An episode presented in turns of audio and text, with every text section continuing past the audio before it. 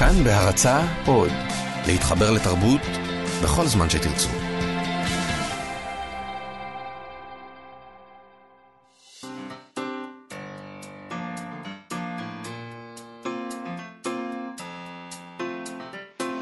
מה שכרוך עם יובל אביבי ומה יעשה לה. שלום, אתם מאזינים למה שכרוך, מגזין הספרות היומי של כאן תרבות, אפשר להאזין לנו ברדיו, באינטרנט וכמובן גם באפליקציה החדשה של כאן, כאן עוד, חפשו בחנויות האפליקציות, כאן אודי, הורידו, תוכלו להאזין לכל התכנים הכי טובים במקום אחד, באיכות טובה ובשידור חי. אה, יהיו שם את כל תוכניות כאן תרבות, הפודקאסטים, סליחה, הסכתים. הסכתים. הסכתים. מוזיקה, חדשות ועוד, וגם התוכנית הזאת עולה לעמוד ההסכתים של כאן תרבות. אה, איתנו באולפן מיטל כהן וכן עוז, וגם את, מאיה סלע. שלום יובל אביבי. צוות נשי נהדר יש פה היום. נכון. אה, נזכיר שאפשר לשלוח מסרונים בטלפון 055-966-3992, 055-966-3992. אפשר גם לשלוח אלינו הודעות בעמוד הפייסבוק שלנו, מה שכרוך עם יובל אביבי ומאיה סלע. Uh, היום, מה יהיה היום? היום נדבר עם צעד הספרים שלנו, אילי גרין. כן. Uh, אני, חושב, אני חושבת שהוא ידבר איתנו על רחל ואיזה נכון. מכתב שהוא מצא שלה. Uh, נדבר גם עם סתיו צימרמן פולק על פרויקט המיקס טקסט, שבו משוררים מקריאים שירי פופ. כמו שמקריאים שירה, בדרמה הזאת. Uh, זה פרויקט גמר של סטודנטים מבית הספר לאומנויות המילה בירושלים. אנחנו נשמיע משהו מזה, וזה... זה. אנחנו, זה מצא חן בעינינו מאוד. Uh, יש לנו גם uh, אינפורמציה uh, שאולי תועיל uh, לחלק מהמאזינים שלנו שהם סופרים וסופרות. את חושבת שהם מאזינים לנו? בוודאי. בוא נועיל להם רגע. תועילי לא להם. רק לפטפט. נספר שעיריית רמת גן פרסמה קול קורא לפרס רמת גן לספרות, והזמינה את הסופרים והסופרות לשלוח את יצירותיהם. Uh, פרס רמת גן לשנת 2018, שלושה מסלולים. אגב, זה צמצום, היה פעם הרבה יותר מסלולים מזה. כן? כן. יש כאן פרס למחבר יצירה ספרותית מקורית, 40 אלף שקלים. פרס למתרגם יצירה ספרותית לעברית, 20 אלף שקלים. ומסלול השלישי הוא פרס ליוצרי יצירה ספרותית בתחום ספרות ילדים מאוירת, 30 אלף שקלים. אני חושבת שפעם היה שם שירה, והיה שירה ביקורים, והיו כל מיני דברים. יש פה צמצום, צוק העיתים, מה שנקרא. בדיוק. אין מה לעשות, אה, לאף אחד אין כסף יותר לתרבות ולאומנות וכל הדברים האלה שהם אה, אמת. מותרות. אמת.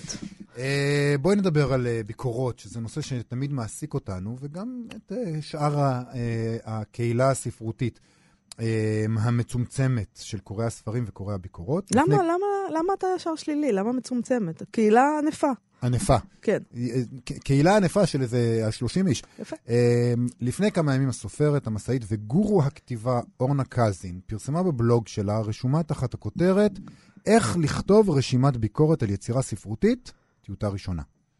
אה, היא טוענת שם שיש לנסח כללים מנחים לכתיבת ביקורות אה, ספרותיות, בעלות ערך, לנוכח מה שהיא מכנה דפוסים לקויים של כתיבת ביקורת שהתפתחו והתבססו אצלנו, הכרוכים לדעתה היטב ברוח הזמן הישראלית. או במילים אחרות, היא מאמינה שהביקורות בישראל שליליות, בוטות ושטחיות, אה, בשביל לייצר תנועת גולשים ולעשות סערות, traffic, מה שאנחנו קוראים, כן. אה, והגיע הזמן לשנות את זה. בגדול, כן. אה, זה בדיוק מה שעולה מהקריאה שם. היא מתחילה את הרשומה בחזרה לביקורת בניו יורקר, שכתב ג'יימס ווד, על חורף, ספרה של אלי סמית, כדוגמה לביקורות הטובות שנכתבות באמריקה, אה, אה, שזה האימא הגדולה מעבר לים, מאופיינות לטענתה בכך שכותרות שם אינפורמטיביות בלבד. זאת אומרת, אה, יש, אה, לא עושים את מה שהרבה פעמים קורה כאן, שהכותרת היא סנסציונית אולי כדי למשוך את הקורא להיכנס פנימה, ובביקורת יש תיאור מפורט של הספר, כולל ציטוטים, והתעמקות בסוגיה ספציפית מתוך הספר בהקשר רחב. זאת אומרת, לא רק הספר טוב לא טוב, אלא לבחור בו משהו שיש לו הקשר תרבותי, חברתי, פוליטי או כדומה, ו- ולהוסיף פרטים ו- ו- וכולי. אה, רק בשולי הדברים, היא אומרת, יש הסתייגות או דברי שבח לכתיבה. אה, יובל, כדאי אולי שאנחנו נגיד שדי ברור שהיא מכוונת את דברי הביקורת שלה למוסף ספרים של הארץ, כן, אה, וששנינו כותבים שם, כן, אז אה, כן. גילוי נאות גילוי שכזה. נאות. כן, אוקיי. אנחנו כותבים שם, והיא לא- היא- היא כותבת את זה זה ב- אה, בפירוש, כן, בפירוש? זה לא ברמיזה, אה, נכון. היא אפילו מדברת על גיליון ספציפי של מוסף ספרים של הארץ, אה, כדוגמה לדברים שלה, אה, מסוף 2017.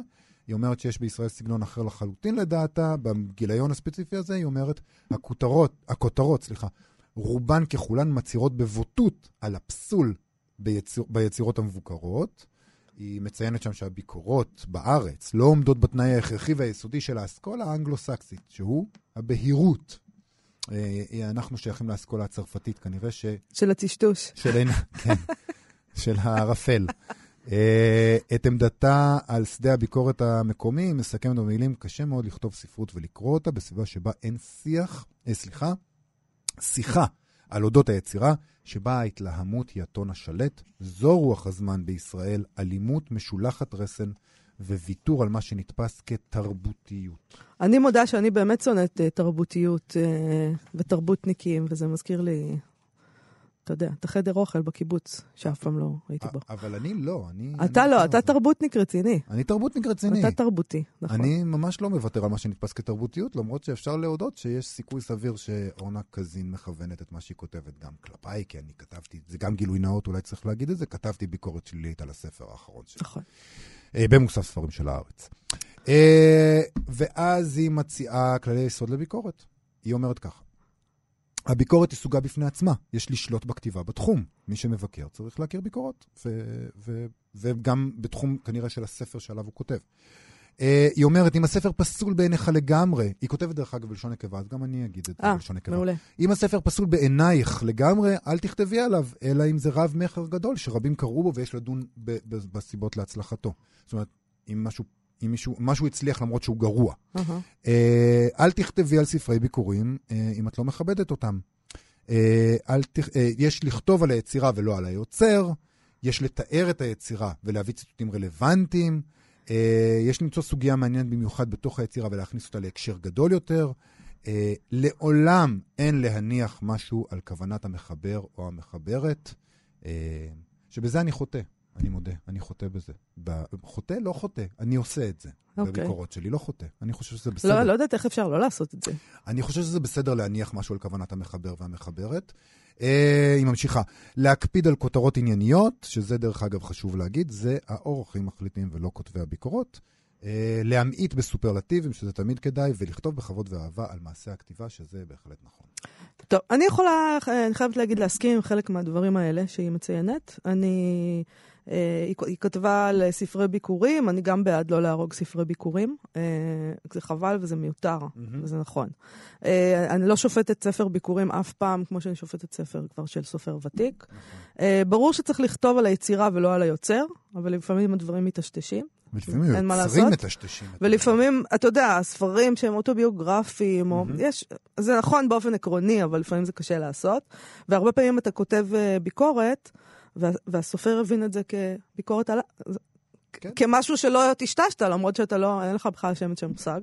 Uh, באופן טבעי אנחנו מניחים משהו על כוונת המחבר, כן. אין מה לעשות.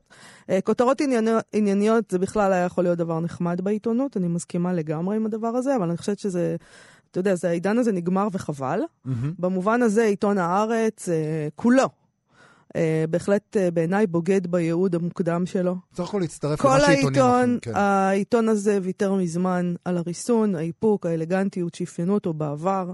אה, ותראה, ה-TGI שלהם משתפר עכשיו. זה עולם חדש, אנשים- מגרש משחקים חדש, ואני נורא אנטיקה בדבר הזה. אני מאוד שמרנית, אני, אני גם לא יכולה לסבול את מה שקורה שם. אנשים תמיד מתלוננים, למה אתם זולים, למה אתם צהובים, אבל זה מה שהם אוהבים לקרוא. זה מה שאתם רוצים, נכון. Um, עכשיו, לגבי הכבוד והאהבה למעשה הכתיבה, אני רוצה לומר משהו. אם אני קוראת טקסט שלא מעורר בי כבוד, אז מה אני יכולה לעשות? אני לא, אני לא אמציא כבוד. מהמם. אני לא... לספרות אני, אני באופן אישי לא ניגשת עם כפפות המשי שלי. Uh, פשוט, לא- לאו דווקא, אני לא מתכוונת לכתיבת ביקורת, לספרות עצמה. הספרות היא חלק מהעולם, היא לא איזה תולעת משי מעודנת על עץ התות. Uh, ברור כמובן שתמיד יש את הבעיה הזאת ש... שיש אדם שכתב את הספר והוא נעלב, ואני חייבת להגיד שזה החלק המדכדך בעניין, כי אני, אתה- מצד אחד מודע לזה, אבל אתה לא יכול להתייחס לדבר הזה. מהמם. אה, מבקר לא כותב מכתב פרטי מנומס לסופר, אה, מבקר כותב מכתב פומבי לקהל קוראים. נכון, יש לו אחריות. אה, ככה, ו- ואז אתה צריך לכתוב את מה שאתה חושב. עכשיו, אני אין מה לעשות. זה, וזה שיש שם מישהו שנעלם. אני חייבת להגיד לך שכשאני, אה, אני זוכרת הפעם, איזה פעם שקיבלתי ספר, אני לא, לא אנקוב בשמות, שהוא לא היה ספר מקור, זה היה מתורגם, ונורא שמחתי. לפני שאפילו התחלתי לקרוא, אמרתי, איזה כיף, אף אחד לא יעלה. אני לא יודעת מה אני אחשוב, אבל אף אחד לא יעלה. נכון. אתה יכול להיות יותר חופשי, כי אתה לא חופשי כשאתה נכון. כותב על אה, ספר אה, מתור, אה, מקור. ובאמת הייתי, הרגשתי מאוד חופשייה, וכתבתי את הביקורת הלא כל כך טובה על הספר הזה. ואכן הצלחתי להעליב את המתרגמת ואת העורכת, ויכול להיות שהמו"ל אפילו, אולי המו"ל אולי. כעס, כי אני פוגעת לו במח... ת- תמיד אתה בעצם מעצבן מישהו, כי אה. המו"ל יכול לכעוס שאתה הורס לו את המכירות, אז מה אפשר אתה? לא יכול לכתוב ביקורות שליליות בלי לעצבן אנשים, מה לעשות? אה, תשמעי, אה, אני כבר אמרתי לך הרבה פעמים, ואני אחזור ואומר, כן. שאבא שלי היה מתקשר אליי אחרי שהייתי כותבת ביקורות, כן. טלוויזיה זה היה אז, ותמיד היה אומר לי, מה יעלה? לא יהיו לך הרבה חברים ככה. כן. אז טוב, אני אדם לא. בודד. תשמעי, ב- אה, הרבה מאוד אנשים כבר הגיבו לטקסט הזה, ויש הרבה שמשבחים אותו, כמובן. אה, אבל יש כאלה שגם מזכירים את ההבדלים המהותיים בין הזירה כאן לזירה האמריקאית. העובדה ששם מבקר זה מקצוע מכובד ומתגמל כשלעצמו, שיש שם קהילה רחבה יותר של קוראי ביקורות, שמצדיק את העיסוק הזה בכלל, ובגדול ששם יש כסף, אה, וכאן אין. ואני רוצה להגיד, הם אומרים, היא אומרת, אה, אל תכתבו על יצירה שאתם לא אוהבים. אז תשמעו. בואו נספר- הביטו. אה, בואי נספר לכם איך זה- עובד. תמיד זה ככה, הם לא, כן. זה פשוט חוסר הבנה של איך זה עובד. אתה מקבל ספר, מציעים לך אה, לכתוב על ספרים, אתה התחייבת לכתוב, יש דדליין, אתה פותח את הספר, אתה לא כל כך אוהב אותו, וקראת אותו, וקראת אותו, ולקח לך הרבה שעות לקרוא אותו, ולחשוב על מה שאתה חושב, ולהבין אם אתה אוהב או לא, ומה יש שם ומה אין שם, ובסופו של דבר הזכרת עשר שעות או משהו כזה, ויש לך גם חשבון בנק. אה, לא, זה לא רק עניין, אה, יש זה- גם את העניין של החשבון בנק, אבל זה לא רק העניין הזה. אתה, אה, הם מתקשרים אליך מהמערכת, אומרים לך, את רוצה לכתוב על מוישה? ואתה אומר, בסדר. ואז כן. שולחים לך את הספר, ועכשיו התחייבת לכתוב התחייבת. את זה, ולהגיש את זה בתאריך מסוים. נכון. זה הכל. ככה וגם- זה עובד. ואני כן רוצה לחזור, אה, אה, זה לא שעושים פה מיליונים מהדבר הזה. אבל זה לא רק העניין של הכסף, במובן הזה שנגיד שאתה תתקשר עכשיו למערכת ותגיד... אה, אני לא כותב על אני זה. לא כותב על זה. עכשיו לא. יצטרכו להעביר את זה למישהו אחר. זאת אומרת, כל העבודה, המערכת לא יכולה לעבוד בצורה כזאת. נכון. ואתה כותב על דברים שלא אהבת, כי אתה מחויב לזה, וכי זאת העבודה שלך. אני, אה, אני חייבת להגיד שאני מתפללת כל פעם אה, כששולחים לי ספר, שזה יהיה ספר טוב. מי רוצה ממש. לכתוב, מי רוצה לקרוא ספר לא טוב? ממש. זאת אומרת, זה לא איזה משהו כל כך נחשף. לא. ואנחנו לא מאלה שקוראים 20 עמודים ואומרים, יאללה, אני אכתוב על זה. לא, אנחנו יושבים וקוראים את זה עד הסוף, נכון. אמר. היה פעם אחת שהחזרתי, שאמרתי, שהחזרתי ספר, אגב. שאמרתי שאני לא, אני לא- אני, אני, אני פשוט לא הייתי מסוגלת לקרוא יותר מחמישה עמודים, ואז אמרתי, טוב, אני לא יכולה לקרוא את הספר הזה, זה כל כך נורא בעיניי. אז זהו. זה מקרה מאוד אה, מאוד זה קיצוני. אפשר לעשות אה, ממש פעם בכמה שנים, כי עיכבתי בעצם מערכת שלמה. כן, האורחים לא אוהבים את זה. לא. Uh, טוב, uh, uh, שם, במקום הנהדר הזה שנקרא ארצות הברית, המקום הקפיטליסטי המקסים, יש חממות גידול כאלה נכון. של מבקרים, שמטפחים אותם, יש להם גב מהמערכת, מערכות חזקות. Uh, אני בכל מקרה, בלי קשר לדבר הזה, הגעתי למסקנה ששום ביקורת רכה, ככל שתהיה, לא תהיה בלתי פוגעת בסופר שלא אהבת את הספר שלו, גם אם הכותרות לא יהיו מתלהמות. אני מסכים לגמרי, זה הנקודה הסופית. אני חושב שרוב הכללים האלה הם אחלה, אין מה להגיד, הם בסדר גמור. אה, יש לי הסכמות אה, על דבר כזה או אחר, אבל בגדול, אני מסכים עם מה שהיא כותבת. אה, אני גם חושב שהרבה מאוד, הביקור, הרבה מאוד, הרבה פעמים הביקורות הן בדיוק ככה, גם בישראל. ואני חושב שכשכותבים ביקורת שלילית על מישהו, גם אם היא מבוססת על הקשר, ומכבדת, ומלאה בציטוטים מדויקים, ואפילו מקבלת כותרת אינפורמטיבית כמו שאמרת, המבוקר או המבוקרת ירגישו פגועים ונעלבים, ושהביקורת הייתה אלימה ולא עניינית, ואיך הם לא הבינו את הספר, וזכותם לחשוב ולהרגיש ככה. אה, אבל רק אני רוצה להגיד עוד משהו, כי כן. שלא, אני מסכימה עם מה שאמרת, אבל אה, שלא נצא כאן אה, מתחסדים, יש ביקורות אלימות. נכון. גם. נכון. בוא, כאילו. אוקיי? בוא, נכון. אנחנו, אני יכולה להיות אלימה לפעמים, ויש אנשים אלימים ממני גם. זה נכון מאוד. אנחנו רואים את זה. שמת לב? שמתי לב לזה. אה, אנחנו נדבר עכשיו עם סתיו צימרמן פולק, שעומדת מאחורי פרויקט המיקס טקסט, שהוא ניסוי טקסטואלי ומוזיקלי שנוצר במסגרת פרויקט גמר בבית הספר לאומנויות המילה בירושלים, ובו, לפי מה שאני מבינה, משוררים קוראים שירי פופ באופן שבו קוראים שירה. שזה כמובן נשמע אחרת לגמרי ומטעין את השיר במשמעויות חדשות, ואנחנו נשמע דוגמה לכך. שלום לך, סתיו צימרמן פולק. היי היי. אהלן. אה, ספרי לנו על הפרויקט הזה, מה, איך הוא נולד ומה קורה שם. אה, הוא באמת נולד בתוך ה- החממה של, אה, של מקום לשירה, של בית הספר הגבוה לאומנויות המילה. החלטתי שבפרויקט גמר שלי בא לי להתעסק בתשוקה אה, ארוכת שנים וויכוחים ארוכי טווח. אה, הוויכוח בעצם בין הגבוה לנמוך, אה, מה שירה, נכון. מה פזמון, מה פופ, מה אופרה, נגיד. בדיוק. אוקיי. מה המסקנה שהגעת אליה? הכל פופ? הכל פופ והכל שירה, זה, זה מעורבב ויפהפה. אני מוכנה לחתום על הדבר הזה. כמה שירים היו Yes. בפרויקט? אה, במופע הראשון שלנו היו עשרה שירים, ואנחנו מבשלים עכשיו עוד אחד. איזה שירים למשל היו שם? אני יודעת שאנחנו עוד מעט נשמיע את אה, קייט בוש כדי לתת דוגמה, אבל אה, איזה עוד?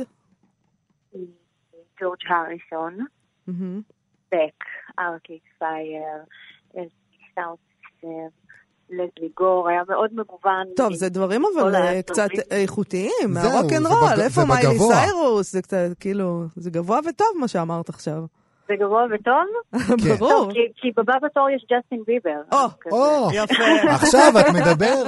אז בוא אה, כדי... רגע, איזה שיר שלו של ג'סטין ביבר? מה, סוד, אנחנו צריכים לשמור פה על טיבי. אה, אוקיי. הבנתי. אז אה, בואי רגע נשמע, לפני שנמשיך לדבר, אה, את אה, תכלת זוהר, אה, מקריאה אה, גרסה ל-Running Up That Hill של קייט בוש, נכון? זה מה ש... כן. אוקיי. בוא נשמע את זה.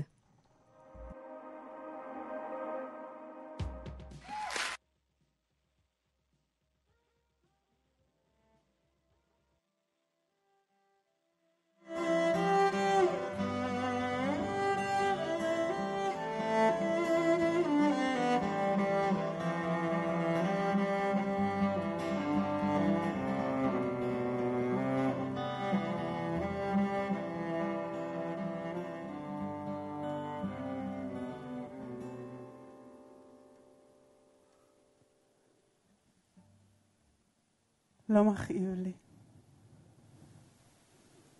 זה לא מכאיב לי, את רוצה להרגיש? רוצה להיות בטוחה שזה לא כואב? רוצה לדעת בדיוק מה נלקח ומה ניתן לי? את, את ואני. את מבינה, אהובתי, לו רק יכולתי, הייתי כבר מזמן עושה איזו עסקה עם אלוהים. הייתי לפחות מציעה לו להסכים להחליף בינינו. ואם יכולתי בכל פעם, הייתי רצה. רצה לאורך הדרך, רצה במעלה הגבעה, במעלה מדרגות הבניין, את מבינה, אהובתי, לו רק ניתן. את לא רוצה להכאיב לי, אבל ראי כמה עמוק בכל מקרה חודרים הכדורים. בלי משים אני קורעת אותך לגזרים, הלבבות סוערים, ואנחנו לא מצליחות לשנוא, אהבה ממלאת לנו את כל החדרים. היי, תקשיבי, שתינו חשובות. את, את, ואני איתך. אני לא מוכנה שלא נהיה מאושרות. אז אם יכולתי, הייתי מבקשת מאלוהים, הייתי מכריחה אותו להסכים, להחליף בינינו, ואם לא זה, אז רצה. רצה לאורך הדרך, רצה במעלה הגבעה, במעלה מדרגות הבניין, את מבינה, אהובתי, לו רק ניתן, הייתי רצה לאורך הדרך, רצה במעלה הגבעה, את כל המדרגות אלייך, את. הנה. את ואני, הן לא ניתן שלא נהיה מאושרות. רק תני לי לקחת ממך את הרגע הזה. בואי, מלאך את, בואי, אהובה, תני לי לקחת את כל מה שכואב. לו רק יכולתי, הייתי מתחננת לאלוהים. אך הפעם הזה, האלוהים, אך הפעם הזה, החלף בינינו. או רצה לאורך הדרך, רצה עד קצה, במעלה, מדרגות הבניין. את מבינה, אהובתי, לא רק ניתן.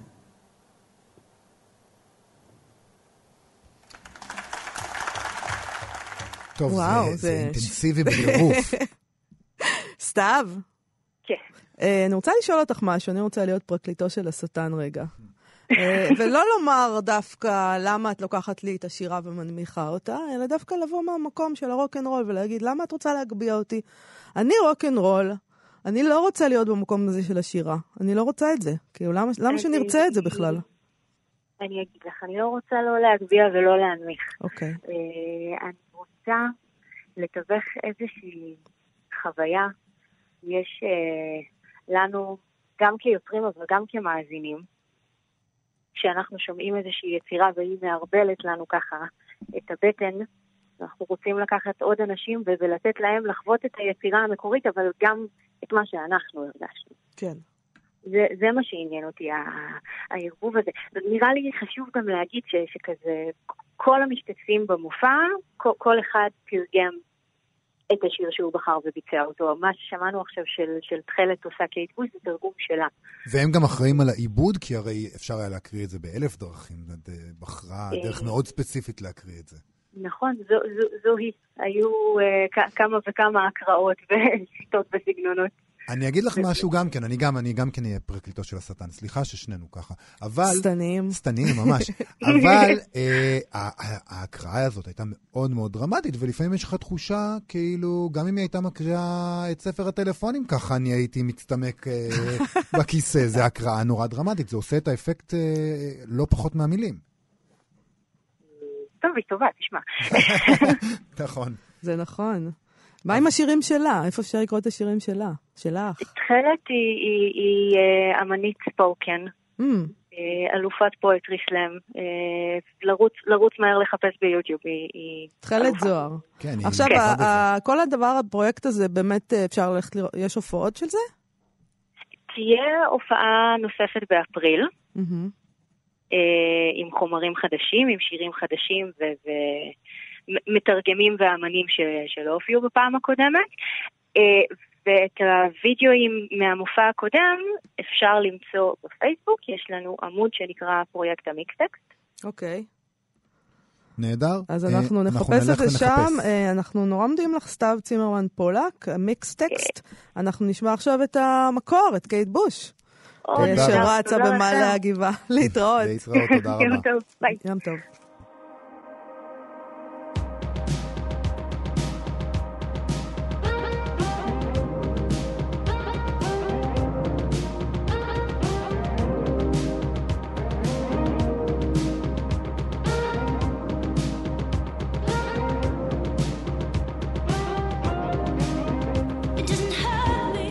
ובכן, חזרנו, ויש לנו פה הודעה שהגיעה זה עתה, אה, הגיעה אליי, ב... זה פשוט לפני דקה קלה. מדהים. אה, דוד גרוסמן הוא חתן פרס ישראל לספרות, כך אה, אה, בישר עכשיו מדהים. שר החינוך נפתלי בנט, שאמר אה, כך, התרגשתי מאוד לבשר זה עתה לדוד גרוסמן על זכייתו בפרס ישראל לספרות בשנתה ה-70 של מדינת ישראל. גרוסמן הוא אחד הקולות המרגשים, העמוקים והמשפיעים בספרות הישראלית, בחוכמת לב עמוקה, ברגישות אנושית ובלשון ייחודית, הוא הפך ליוצר בעל שם בינלאומי. זכינו שהוא משלנו, אכן מישהו לרוץ איתו. שאני חייבת לומר אה, שזו החלטה ממש אה, מדהימה. מדהימה. אה, אה, לא היינו מצפים מהשלטון הזה להחלטה כזאת. בוא נגיד מי היה בוועדת הפרס, קדימה. אם אנחנו כבר בעניין הזה. ועדת הפרס אה, בראשות יושב ראש הוועדה, פרופסור אבנר הולצמן. לצידו, אה, חברי הוועדה, פרופסור עמינדב דיקמן ופרופסור יהודה פרידלנדר, הס- והסופרת יהודית קציר. בחירה שזה נהדרת. כבר הופך לפחות מפתיע, כי זה באמת אנשים מאוד מאוד רציניים. אני רוצה להקריא את נימוקי ועדת הפרס ברשותך. מאז תחילת שנות ה-80 של המאה ה-20, כבש דוד גרוסמן את מקומו במרכזה של התרבות הישראלית, והוא אחד הקולות העמוקים, המרגשים והמשפיעים בספרותנו. ברומנים, בסיפורים, במסות, בכתיבתו התיעודית, ביצירתו הענפה לילדים. ילדים העמיד שורה של יצירות מופת המצטיינות בכוח דמיון עשיר, בחוכמת לב עמוקה, ברגישות אנושית, בעמדה מוסרית נוקבת ובלשון ייחודית ורבת הדהודים. תרגומי ספריו לעשרות שפות הפכו אותו לאחד הסופרים הישראלים הנודעים, המוערכים והאהובים בעולם. על כל אלה מצאנו את דוד גרוסמן ראוי לפרס ישראל לספרות לשנת תשע"ח. נהדר. ואני רק יכולה לקוות ששרת התרבות לא תחרים את הטקס, או משהו מן הסוג הזה. אני מאוד מברך את דוד גרוסמן על זה, זו באמת בחירה נהדרת. אפשר להיות נוקדני רגע, מהר? בבקשה. מילה לנפתלי בנט שצייץ את זה בטוויטר, דוד גרוסמן כותב את שמו עם יוד. נכון. אוקיי, אה, אז נעבור לדבר, ברכות לדוד גרוסמן, אה, ונמשיך הלאה. אני מניחה שעוד נדבר אה, בתוכנית הזאת על, ה, על הדבר הזה. בהחלט. אה, ב- אולי מחר. נגיד בינתיים, עד שנחזור לנושא הזה, שלום לצייד הספרים שלנו, אילי גרין, מחנות הספרים המשומשים האחים גרין, שנובר בארכיונים מאובקים כדי למצוא סיפורים מעניינים על ספרים נשכחים ויוצרים, שלא תמיד הם נשכחים בעצם. על מה נדבר היום, אילי? שלום. שלום, שלום, מה נשמע? בסדר גמור, מה יש לך היום? היום יש לי מכתב מאת רחל המשוררת. נהדר. איפה כן. מצאת אותו? איך זה התגלגל אליך? מצאתי את זה אה, כאשר קניתי ספרים, אה, מישהו קרא לי לפנות, אה, לפנות חדר שלם מהבית שלו, הוא רצה לעשות חדר לנכדים. אה, היו שם ספרים די סטנדרטיים, ושאלתי, כמו שאני תמיד שואל, אם יש דברים נוספים שמוכרים, כמו מסמכים, יודאיקה, אומנות, דברים כאלה. ואז הוא אמר לי, תשמע, יש לי אה, אולי איזה מכתב של רחל המשוררת. ואני, אולי את האמת, ככה. לא האמנתי. אוקיי. לא האמנתי, ש... כאילו ראיתי את הדברים בבית, אמרתי, אין, אין מצב. ואז הוא אמר, רגע, ומה תיתן לי? אמרתי, אתה מביא לי מכתב של רחל המשוררת, אני מביא לך אלף שקל כאן במקום. כי- והוא אמר לי, בסדר, בוא. מאיפה זה הגיע אליו, אבל אני לא מבינה. אספן כנראה. אה, הוא- הוא קנה אותו, וואו, זה פשוט מדהים. רגע, אז עכשיו המכתב הזה הוא בידיים שלך? אה, המכתב הזה כרגע נמצא בבדיקה אה, בבית מכירות קדם. אה, אוקיי. אז אתה יכול אה, מה, לספר לנו מה, למי היא כתבה ומה כתוב שם? היא כתבה את זה לאחותה שושנה. אוקיי. זה מכתב שבעצם כזה מתאר את ימיה בירושלים. אה, כזה מספרת שהייתה, בס- שהיא זה עתה שבה ב- מסעודת פורים אצל שמשי, מזמן לזמן אה, מתאספת פה כל המשפחה, לישנסקי וירמנס שמות, אה, מתאספים בנקודה ניטרלית זו, ואז נוצרת כאן סביבה חמימה למדי. אה, אמנם דווקא אז תוקפים אותי געגועים. לגשר נאמן ביני ובין מספר האנשים הקרובים לי. כך כמדומה לי כתבה, כתבה לך פעם גאולה שרתוק, אחותו של אה, משה, משה, שרת. כן. כן. אה, ואז אה, היא אומרת כזה שהחיים בירושלים טיפה אה, בודדים וכמעט שוממים, בעיקר חדגוניים ביותר. ביום החל מ-10 ועד 6 בערב הוראה, וב-8 למטה. כנראה שמאז יש איזו התאספות או משהו. אה, במשך כל החורף לא תרגמתי כלום. למרות דחיפותיו התכופות של אשר ברש, הוא ממשיך לערוך את הדים, שזה אה, כתב עת, כן. ומזמן לזמן מופיעים שם דברים מבטיחים במרכאות. אשלח לך את כל המחזור. ואז אה, היא אומרת, אה, לפני ימים אחדים אה, תרגמתי שיר קטן, שיר מאנגלית של המשוררת ג'סי סמטר. מבירור לא כל כך מעמיק, כי אין עליה יותר מדי נתונים, היא הייתה משוררת, ש... משוררת אנגליה שהסתובבה ב... בירושלים. אה, ואז היא מתרגמת את השיר, התרגום הוא ארוך אז אני לא אקריא אותו, אבל אה, לאחר מכן היא כותבת אה, אנקדוטה מאוד חמודה, היא כותבת כך: המחברת של השיר יושבת פה בירושלים. אנחנו מתראות לעיתים קרובות, אבל דבר מה מפריע בידי? להתקרב אליה. דבר מה, מה מפריע בידי להתקרב אליה? אולי השם בדבר זה שהיא בעלת מום גופני, גיבנת, ואולי תכונה אחת השנואה עליי מאז והיא סנטימנטליות. אבל פניה יפים. חדשות אין, הלא תביני כי, אה, כי לא חשקתי בחדשות, למען לספר לך אך מה לעשות. היי בריאה ותתני לי חזרה, שלך רחל. אה, וואו. היא- היא שפטה אנשים מדהים. אה, אם יש להם גיבנת או לא. גיבנת וסנטימנטלית. כן. זה- זה לא, לא רק גיבנת. וואו. יכול להיות שהייתה זה מסתדרת. עם הגיבנת אם לא הייתה שם סנטימנטליות. מעורבת. אה, טוב, זה פשוט נפלא. זה נפלא, זה נהדר. אז זה- רגע, כן. אתה- אז אתה באמת קנית את זה באלף שקלים, ובכמה תמכור את זה? בדיוק. אני לא יודע. לא יודע. אבל באמת זה ככה? זאת אומרת, מכתב של רחל, זה ככה, אתה אומר לעצמך, אני חייב שזה יהיה שלי, זה בטוח אה, אה, יצדיק את עצמו מבחינה מסחרית, נקרא לזה? גם אם לא. הבנתי. אני, זה משהו שאני שמח להחזיק. אה, איזה יופי. הנה, גם אתה סנטימנטלי. נכון. זה דברים, זה פשוט באמת באמת שלא רואים כמעט דברים שלה וזה די נדיר, אז, אה, אז הייתי חייב.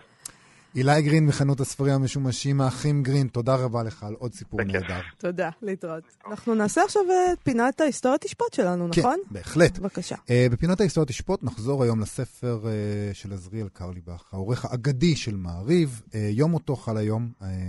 עזריאל קרליבך, למי שלא יודע, היה עיתונאי ופובליציסט בתקופת היישוב, בימי ראשית המדינה. הוא היה העורך הראשון של ידיעות אחרונות, ומאוחר יותר, בלילה אחד, הוא וכל הצוות עשו פוטש וייסדו את uh, העיתון מעריב. Uh, פוטש בגדו. מפורסם. מה, זה היה משהו עם דרמטי ביותר. הטלפונים הם הלכו. כן. לא היו אז טלפונים. הם הלכו, לקחו את הטלפונים ממוזס כן. והלכו, עברו את הכביש. Uh, מעבר להיותו עיתונאי מבריק, הוא היה גם איש הבוהמה ואיש העולם, אדם מאוד ססגוני, והוא ערך מסעות, למשל, לברית המועצות uh, ולגרמניה הנאצית. הוא הסתובב שם במדי אס-אה, לפעמים, כדי להסתובב בחופשיות, משהו מטורף. Uh, והוא כתב על המתרחש בהן. ובשנות ה-50, בשנת 54 לדעתי, הוא גם נסע להודו, עוד לפני שהיא הפכה להיות המגנט הזה לצעירים ישראלים אחרי צבא ובכלל, וכשהוא חזר הוא כתב את הספר הזה, הודו, יומן דרכים, שזה הפך לספר פולחן, שעדיין נקרא על ידי מטיילים בהודו בימינו. Uh, הספר פורסם רק אחרי מותו של קרליבך, מהתקף לב, הוא מת בפברואר, כמובן, ב-12 לפברואר uh, 1956. הספר יצא לאור בסוף השנה, בספטמבר לדעתי. יכול להיות שהביקורות היו נחמדות גם בגלל זה, אבל באופן כללי זיהו את איכות הטקסט כבר בזמן אמת. Uh, ממש בכל הביקורות שאתה קורא מקפידים לציין, אכן קוראים לזה יומן דרכים, אבל בעצם זה הרבה יותר מזה. Uh, דן פינס כותב בעומר או עומר, שזה היה כתב עת מבית דבר, uh, שכתב כך, גבישי פיוט ומחשבה רבים נוצצים בספר זה. המחבר הגיש לנו את הודו על מגש תיאורים, שיחות הערות אגב, הרהורים שלו ולבטים של הזולת. דוקטור מ' זין סולבה, הפועל הצעיר, גם כן מבהיר שהספר מכיל יותר ממה ששמו מעיד עליו. הוא אינו קובץ של רשמי מסעות עם ציון מקומות שונים ותיאור נוף של ארצות זרות. הקורא לומד להכיר השקפת עולם שלמה של עם עתיק בלתי ידוע לו. ולכן זה גם ספר שעדיין אנשים קוראים אותו. נכון, כי זה נכון. לא... אה, הוא לא אומר לך, לך תאכל שם. בדיוק. ו- זה, זה לא כזה. זה לא ההודים זה. כנראה נשארו הודים. הם, הם נשארו עם עתיק, זה בטוח. והוא כנראה קלע גם, הוא כנראה גם ניסח איזה משהו שקלע בול.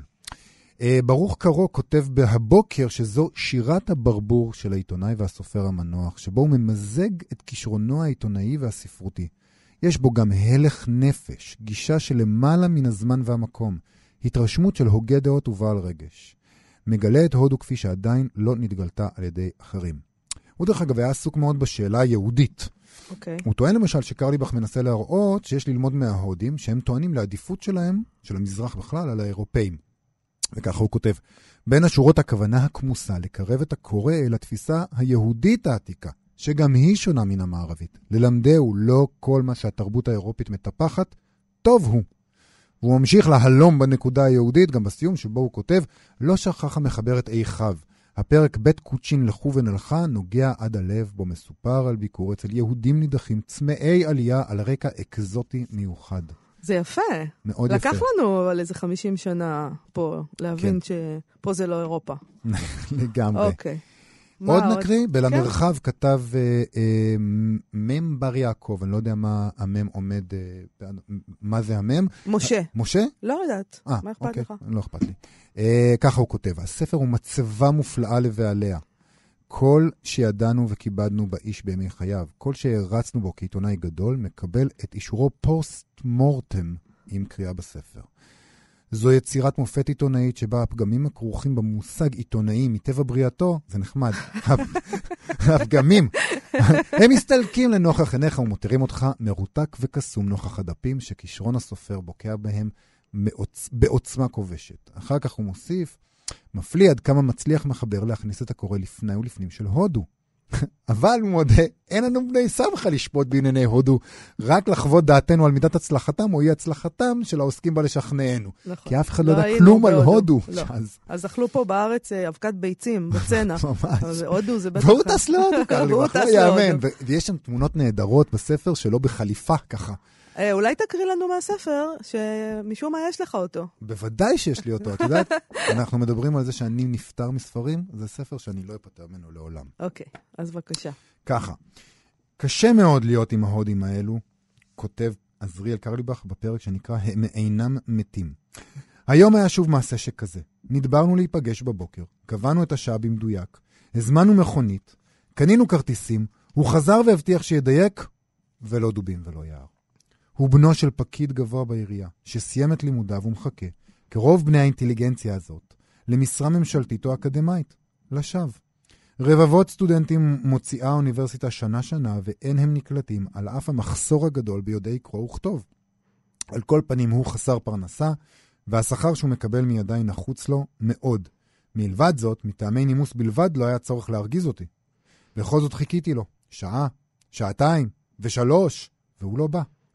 לבסוף, שלחתי להביא אותו, כמעט באונס. כאשר הופיע, לא ידע במה להצטדק. התחיל לגמגם ולתאר כיצד היה מוכן ומזומן לבוא למועד, התלבש, יצא את הבית, כבר נמצא ברחוב, ואז... כאן הסתבך בסיפור ארוך ומסורבל ומלא סתירות על פגישה בלתי צפויה, על שנקרא במפגיע לחזור הביתה, על אח ואחות ודוד ודודה, פטפוטי ביצים. מסתבר שאומנם יצא לרחוב בדרך אליי, אך מכאן ואילך הכל שקר. מדוע בכל זאת לא בא? האם לפתע נמאס עליו להיות מדריך לאירופי נוכרי? או שצריך לחפש את האישה בסיפור? אולי. על כל פנים אי אפשר לסמוך עליהם. הוא החזיק בידו עיתון מקופל, וכאשר הצעתי לו סיגריה, הניחו על השולחן, ולנגד עיניי קפצה כותרת ונצנצה הברקה. שאלתיו ישירות, הגד לי את האמת, האם זהו? הוא הסמיק החודה. כן, זהו. היה זה המדור האסטרולוגי, בו נאמר כי מצב הכוכבים היום אינו יפה לטיולים. נפלא. מדהים. מעשים שבכל יום, לא. שבכל שעה, שבכל אדם, לרבות המשכילים. ההבדל בינם לבין ההמונים הנבערים הוא רק בזה שאלה מודים בגלוי, כי לפני כל מעשה חשוב הם שואלים בכוכבים, ואילו מפותחים שואלים אף הם, אך מתביישים להודות בכך.